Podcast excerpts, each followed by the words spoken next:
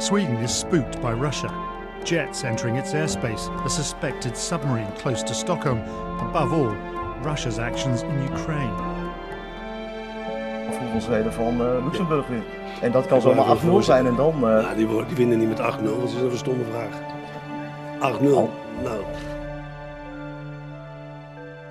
Welkom bij de ene laatste aflevering van Albanië tot Zwitserland. In deze serie kruisen we heel Europa door en dat doen we op alfabetische volgorde. Vandaag is de beurt aan Zweden. Even de Graaf, welkom. Um, Zweden en de Vikingen. Uh, ja, dat, dat, dat, die Vikingen zijn natuurlijk altijd uh, heroïs. Wat is de band met, met Zweden precies?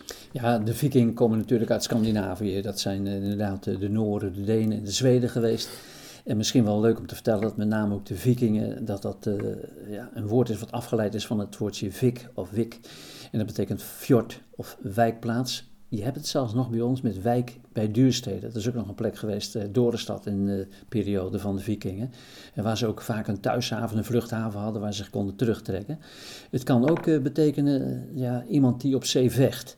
En dat is wel leuk, uh, kwam ik pas een keertje tegen. Hé, hey, wat opvallend. To go Viking in Engeland, dat betekent, betekent eigenlijk niet anders dan plunderen, roven. Daar kwam het eigenlijk wel op neer. En wat vanuit Engels perspectief ook wel te begrijpen is, toch? Ja, en omgekeerd hebben ze ook heel veel van die uitspraken over Nederland. Uh, maar goed, het uh, voert nu te ver om dat uh, hier op te voeren. To go Dutch in, in een restaurant. Precies, ja. ja. Maar in dit geval de vikingen die dan eigenlijk een periode overleefd hebben van 800 tot 1000, 1100. die spreken nog steeds tot de verbeelding. Hè? Stoere, bebaarde, blonde Germanen, snelle drakenschepen, avonturiers... Uh, en dan, wij denken aan strip Erik de Norman. Zeg jou misschien helemaal niks. Met mijn jeugd werd die kapot gelezen. Maar in 1970 had je een Erik de Overwinnaar. En die heeft toen meerdere stammen verenigd. En toen is het echt op zijn machtigst geweest. En uh, Scandinavië, dat, daar kijken wij van op. En dat was toen in die periode een land. Nou, nu uh, omgerekend eigenlijk bizar dat het gesteld werd. Met had last van overbevolking. En dan had je echt uh, weinig landbouwgebieden. Dan had je natuurlijk boerderijen. En de oudste zoon die kreeg dan de boerderij. Maar de andere zonen die er waren, die moesten maar ergens anders een heil zien te zoeken. En die konden dus uh, ja, misschien een, een stuk uh, bos omkappen en daar misschien weer een nieuwe boerderij gaan opbouwen. Maar dat gaf best veel problemen, want de weersomstandigheden waren ook niet bijzonder goed. Wat gingen velen doen? Die gingen toen op zee hun heil zoeken. Hè? Eerst vissen, maar later ook hadden ze van die snelle langschepen, de drakkars, die waren ook vaak rijk met houtsenwerk besneden. Gingen ze dus het water op, de Oostzee, Botnische golf en ze kwamen uiteindelijk ook op de Noordzee. En zo hebben ze dus allerlei tochten, ontdekkingstochten hebben ze eerst gemaakt. En het waren in eerste instantie handelstochten. En dan heb je nog de Denen en de Noorden, die komen dan in de richting natuurlijk van Engeland en ook Nederland en uiteindelijk in Frankrijk. Normandië hebben ze gesticht. En uh, de Zweden daarentegen, die gingen meer naar het oosten toe. Die gingen via de Botnische golf gingen ze naar de Finse golf. Gingen aan land in de buurt van wat tegenwoordig eh, Sint-Petersburg is. En daar had je het Ladogenmeer. Daar hebben ze ook inderdaad uh, een eigen stad gesticht, Novgorod. En via die rivieren konden ze echt het binnenland intrekken. Ook later bij de Dnieper zijn ze terechtgekomen. Die hebben daar bij Kiev, hebben ze het Rijk van Kiev gesticht. En toen werden ze de Rosja's werden ze genoemd, omdat ze van die ros gebaarden hadden. Anderen zeggen, er zit ook nog een betekenis in van als het windstil was, dan konden ze roeien. Er zit ook het woordje roeier zit erin. En daar hebben ze echt hele grote veroveringen geboekt.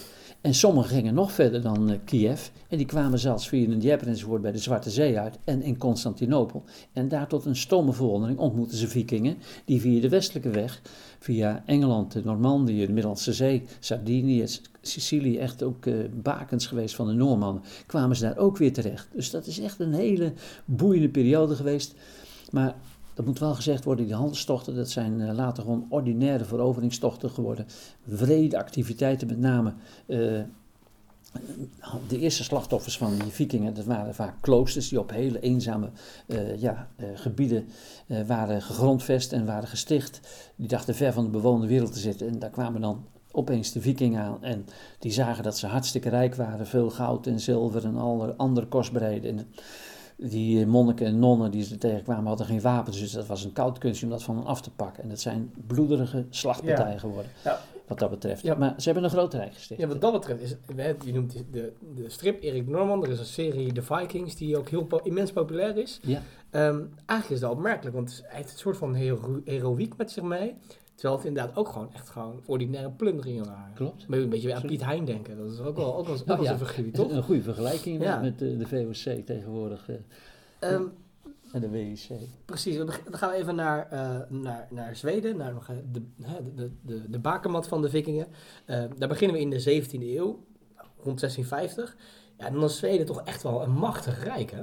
Ja, absoluut. Eh, Je ziet dat eh, met name al in 1397 tot 1523 is er zeker Gustav Vasa geweest. Die heeft toen eh, de Unie van Kalmar opgericht. En dat is toen een fusie geworden tussen met name ook al die Scandinavische gebieden. En dat is een heel belangrijk bolwerk geweest in het noorden. En dan slaan ze een begeerig oog, die Scandinavische, Zweden, zal ik ze maar noemen, op Polen, op de Baltische Staten, op Finland. Want daar ja, heb je natuurlijk eh, van allerlei producten die ze op de kop wilden tikken. Hout voor de bouw van schepen, eh, voor het bouwen van huizen, graan, vis, pelzen. Het was een enorm rijk gebied. En misschien wel leuk om dat te vermelden, eh, dat ook Nederland daar een rol in heeft gespeeld. Maar dat is een vraag, denk ik, die je straks ook nog wilt stellen over de rol van Nederland in die periode. Maar dat was echt een heel begeerig gebied om daar die producten op de kop te stikken die van levensbelang waren voor eh, de mensen toen. Ja, en eh, het land dat uit, uitdijt en dat eh ander land wil hebben, dat maakt natuurlijk ook heel veel vijanden. Zo ook Zweden. En dat eindigt uiteindelijk in een grote Noordse oorlog. En ehm, ja, daarin hebben wel heel veel landen de wapens op tegen Zweden. Het wordt echt te machtig. Ja, dat was de Noordse oorlog van 1700 tot 1721. Aan de ene kant Zweden, aan de andere kant de Noordelijke Alliantie. En dat waren dan landen als, niet gering, Rusland, Denemarken, Noorwegen, die eigenlijk weer wraak wilden nemen op de Zweden, die eh, hen ook een tijd lang overheerst hadden. Polen, Litouwen en Saksen. Nou, dat was echt een, een heel groot bolwerk. Natuurlijk allemaal eh, aparte legertjes enzovoort en niet onder een gemeenschappelijk eh, commando. En daar stonden dan de Zweden in eerste instantie alleen tegenover en kregen toen ook nog een beetje steun, zelfs met name ook financieel, van de Nederlanders. Want die hadden hele grote belangen, zei ik al. En die waren bang dat als inderdaad daar eh, steeds maar continu oorlog heerste, dat ze al die eh, producten die ik net noemde, hout, graan met name ook, en vis niet konden ophalen, ja, dat dat eh, zou leiden tot honger in ons land. En ze kregen zelfs een financiële steun van koning, de zonnekoning Lodewijk XIV. En eh, nou, dan zie je twee geweldige reuzen, letterlijk en figuurlijk, op staan. Karel XII, de koning van Zweden. Een zeer opmerkelijk mens, echt een ja, geweldig karakter. Een, een echte veroveraar. En tegenover hem, tsaar Peter de Grote, nog zo'n kopstuk, 2 meter 3. Die in, eh, met 10 jaar in 1682 het tsaar van Rusland was geworden. En die eh, ja, trekken dan tegen elkaar ten strijde in die gebieden daar rond de Oostzee. En dat is echt een, eh, ja, een verschrikkelijke oorlog geweest. Het heeft duizenden mensenlevens gekost. In het begin grote overwinningen voor de Zweden. Die waren wat dat betreft iets moderner bewapend. En dan eh, krijg je het keerpunt 1709. Dat is eh eh, keerpunt in die oorlog Poltava. Een soort Stalingrad zou je kunnen zeggen. Tot die tijd ging het steeds maar goed met de Zweedse successen. En wonnen ze de ene slag naar de andere. En dat is de eerste grote overwinning geworden voor Tsaar Peter de Grote. En dan zie je het bergafwaarts gaan met Karel XII. En dan uiteindelijk resulteert dat in zijn dood en ook nog eens een keertje in de vrede van Nijstad. En dat is werkelijk het einde geweest toen eigenlijk van de grote macht Zweden. Want al die gebieden die ze toen de loop der tijd veroverd hadden rond de Baltische staten, of eh, in het Baltisch gebied, eh, Estland, Lijfland werd het toen nog genoemd, Ja. eh, enzovoort. En ook eh, andere gebieden die eh, tijdenlang ook door de Duitsers en andere eh, Duitse orders nog beheerst waren, vielen allemaal in handen toen van Rusland. En dat was het einde van de grootmacht Zweden. En het begin van de grootmacht Rusland, toch? absoluut. Onder En- eh, Tsaar Peter de Groot. Ja, Ze, ze, ze- ze verliezen dus die oorlog en dan slaat de koning op de vlucht, hè? Ja, de koning die staat eh, op de vlucht, die koning Karel XII. En eh, dat is werkelijk bizar geweest. Daar zou je een speelfilm van moeten maken. Ik, ik weet niet of er ooit een film van is gemaakt, maar het is werkelijk bizar. Hij eh, weet op een gegeven moment zijn troepen weet hij diep door te dringen tot haast aan de grenzen van Turkije. Daar wordt hij gevangen genomen door speciale eenheden, wordt opgesloten in Istanbul. En dan weet hij ook via zijn charisma en zijn eh, ja, eh, geweldige karakter, weet hij eh, een paar van die mensen die moeten bewaken, weet hij in te palmen. Dan weet hij inderdaad zich te bevrijden, weet hij een paard te regelen. En het is bizar, dan weet hij in 14 dagen, weet hij van zeg maar de Turkse grens tot in het hartje van, van de Balkan, weet hij in 14 dagen weet hij weer Zweden te bereiken. Dwars door vijandelijk gebied heen, met een paard. Het moet bovenmenselijk geweest zijn. Of het steeds hetzelfde paard is geweest, dat weet ik niet. Maar te paard weet hij dan in 14 dagen weet hij weer Zweden te bereiken. En dan eh, ja, komt hij daar weer aan en dan probeert hij weer natuurlijk ook eh, zijn eh, ja, oude beroep van koning weer op te pikken. Dat hij weer de machtigste man wordt van het land. En dan wordt er een beleg bij een zekere vesting in Noorwegen geregeld. En dan gaan allerlei wilde geruchten dat ze hem ook zat waren, dat ze een keertje de oorlog zat waren. En of hij nou door een vijandelijke kogel in zijn hoofd getroffen is of door een, eh, een Zweedse kogel, we weten niet. Maar toen kwam daar in 1718 het eh, einde van eh, Karel XII. Werkelijk een fenomenaal groot vorst. Een hele ja, bijzondere man die geweldig strateeg was, geweldige schaker. Die Zweeds, Duits, Frans, Latijn sprak. Een hele boeiende man. Ja. Dan maken we een sprongetje naar eh, koning Gustav. Die, die eh, eh, is eigenlijk ook wel echt een verlicht despoot, hè? Ja, kun je rustig stellen. Hij leeft ook in die 18e eeuw, van 1746 tot 1792. En hij komt via een poets in 1772 komt hij aan de macht, een staatsgreep. En dan probeert hij, eigenlijk vanaf het begin al, te streven naar de absolute heerschappij. En eh, die was eh, verdwenen, die absolute heerschappij, na de dood van... eh, de Zweden hadden een buik vol, ook wat dat betreft, van die grote man, Karel XII, die echt als een alleenheerser daar dus de boel onder de ja, duim had. En dat wilden ze niet meer. Maar die koning Gustav III was een heel opmerkelijke man. Hij wordt ook wel eens een keertje een soort Zweedse zonnekoning genoemd. Eh, hij had een hele ja, eh, goede contact ook met de Franse koning, niet de Lodewijk XIV, maar dan zit je al in de tijd van de Franse revolutie zes- eh, 1789. Dan zit je in de tijd, in de tijd van eh, koning Lodewijk XVI. Daar had hij echt hele goede contacten mee. Hij is daar eens een keertje op een heel groot eh, hofbal geweest in Versailles, ooit gesticht door Lodewijk XIV. En daar steeg al de eerste luchtballon op van de gebroeders Montgolfier. Daar was hij ooggetuige van. Dus wat dat betreft een eh, opmerkelijk mens. Zeer erudiet, net als Karel XII. Hij schreef gedichten, toneelstukken. Bleek eh, achteraf, hij moest, in naam moest hij Lutheraan zijn, maar hij was eh, veel meer een vrijmetselaar. Maar ook de oprichter van de Zweedse Academie, die nu nog steeds jaarlijks de Nobelprijs uitreikt, was hij de man van. En hij wilde zich voordoen als liberaal vorst, een verlicht despoot. En dat heeft inderdaad ook weten waar te maken door bijvoorbeeld ook, het was het Lutheranisme wat de officiële staatsgeloof was, maar hij gaf Joden en niet-Lutheranen gaf hij ook heel veel vrijheden om hun geloof te mogen beleiden. Hij voerde ook eh, een eh, aantal oorlogen, met name in 1788 tot 1790 tegen Rusland. Catharine de Grote, dat was een eh, aartsvijandin. En daar leed hij een hele grote, zware nederlaag. Dus als landen een nederlaag lijden, wordt er natuurlijk altijd de zwarte piet toebedeeld aan de koning. En hij maakte zich daar al niet populair mee. En toen drong het eh, gerucht tot hem door, 1789, dat zijn vriend, de Franse koning Lodewijk XVI, steeds meer in het gedrang kwam. En dat hij uiteindelijk ook werd gevangen genomen. En dat hij op punt stond uh, te worden. Door met name Robespierre en de zijnen. En toen heeft hij overwogen om daar vanuit Zweden een leger naartoe te sturen om te interveneren. En toen dacht ze, maar nu is het welletjes geweest. En er werd inderdaad achter zijn rug werd er ook weer een uh, poets werd er beraamd. Er werd een groot hofbal waar mensen gemaskerd optraden en al dat soort dingen meer. En tijdens dat feest, op het hoogtepunt van het feest, werd hij gewoon van heel dichtbij, werd hij koelbloedig in de rug doodgeschoten. En dat was het einde van een opmerkelijk man, Gustav III. Gemaskerde ballen zijn altijd gevaarlijk in de geschiedenis. Zeer gevaarlijk, Ja. absoluut.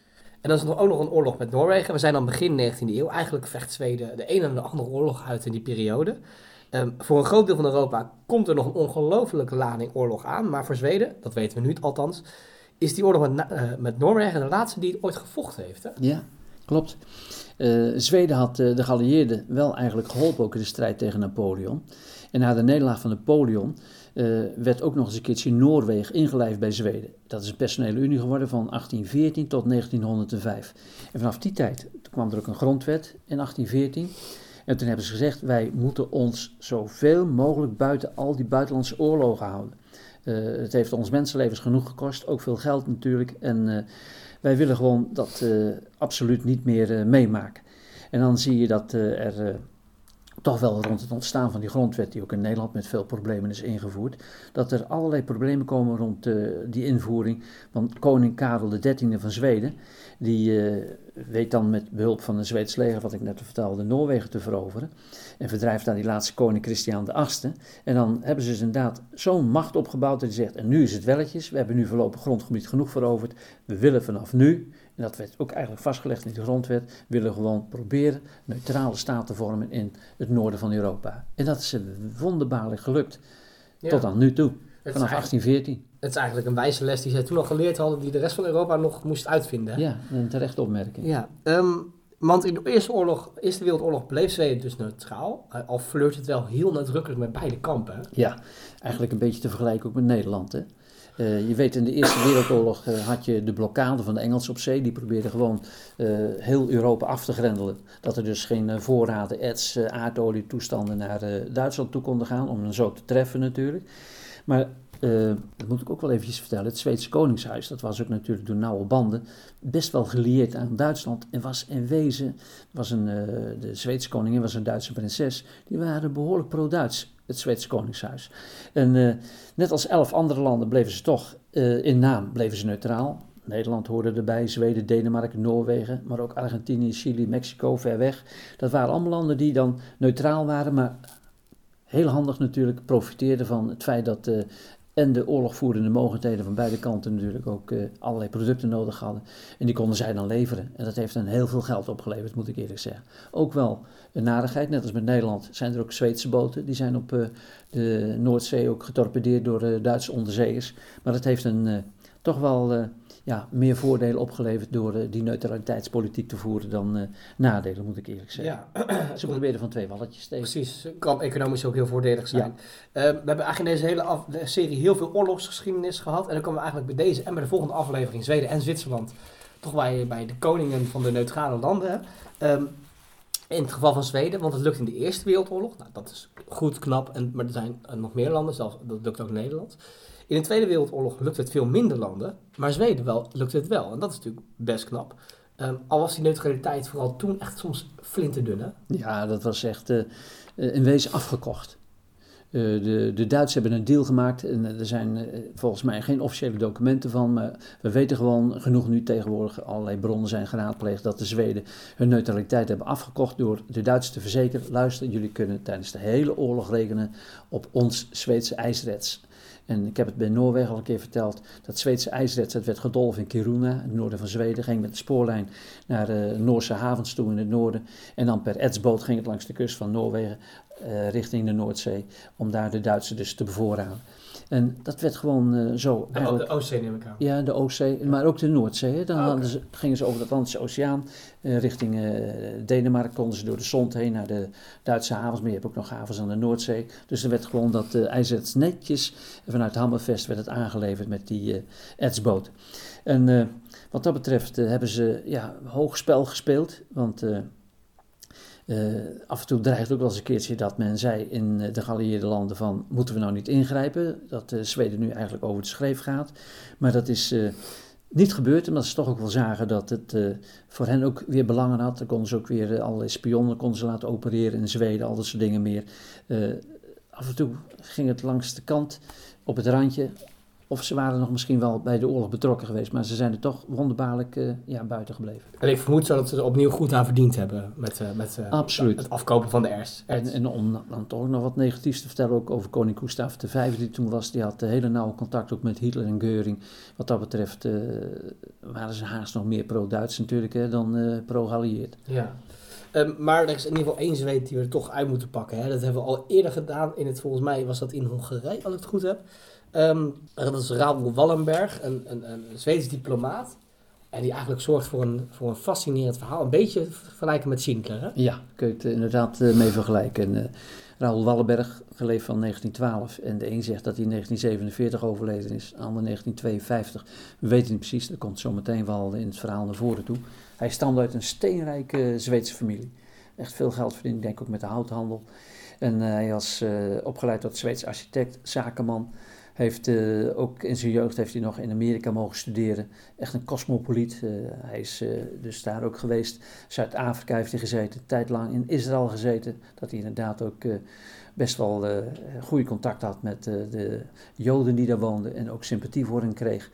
En in de oorlog krijgt hij opeens een hele speciale status. Dan wordt hij een speciale gezant, eh, diplomaat eh, voor Zweden. En eh, hij mocht ook als vrijwilliger naar Hongarije trekken, in opdracht van de Zweedse regering. Daar woonden toen, net als in Nederland, ongeveer ruim 100.000 Joden. En hij had als doel, hij had sympathie voor ze opgevat toen hij in Israël woonde, om hen te redden. En ik weet niet of je het weet, maar in Boedapest, ik ben er een paar jaar terug voor de eerste keer geweest, daar staat de grootste synagoge van heel Europa. Een geweldig bouwwerk. En de meesten woonden ook natuurlijk in de stad uh, Boedapest. En hij heeft toen het plan opgevat om eh, die Joden te redden door ze een Zweeds paspoort te geven. Zweden neutraal. Had je een Zweeds paspoort, dan kon je niet weggevoerd, gedeporteerd worden. Heeft toen ook gezorgd dat in de buurt van de Zweedse ambassade, geloof ik dat het was, heeft hij 30 huizen op de kop weten te tikken. En binnen de kortste keren waren er ongeveer 15.000 Joden waren er ondergebracht. Die zaten daar hutje, mutje, als haring in de ton. Maar die kregen wel van hem ook een uh, Zweeds paspoort, uh, werden van voedsel voorzien. En wist hij een aantal van hen gewoon buiten uh, Hongarije weg te krijgen. Naar het neutrale Zweden toe. En nou, daar was hij dus heel druk mee bezig.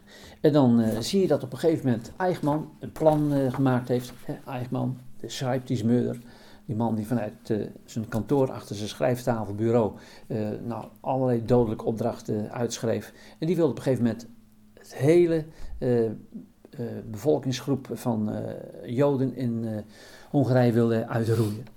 En dat is toen in november 1944 door hem op papier gezet. En daar begonnen ze toen mee. En de man die daar uh, eigenlijk voor verantwoordelijk werd gesteld was een SS'er, August Schmidhuber. En die had inderdaad al treinen geregeld om uh, die Joden af te voeren. En toen heeft hij inderdaad bezoek gekregen van onze vriend uh, Wallenberg. En die heeft tegen hem gezegd: Luister, jongen, je weet best dat de oorlog op punt staat beëindigd te worden en dat Duitsland verliest. Als de oorlog door jullie verloren gaat, dan zal ik, als dit doorgaat, deze actie, deze massale moord op Joden, zal ik jou persoonlijk verantwoording, uh, uh, ter verantwoording roepen.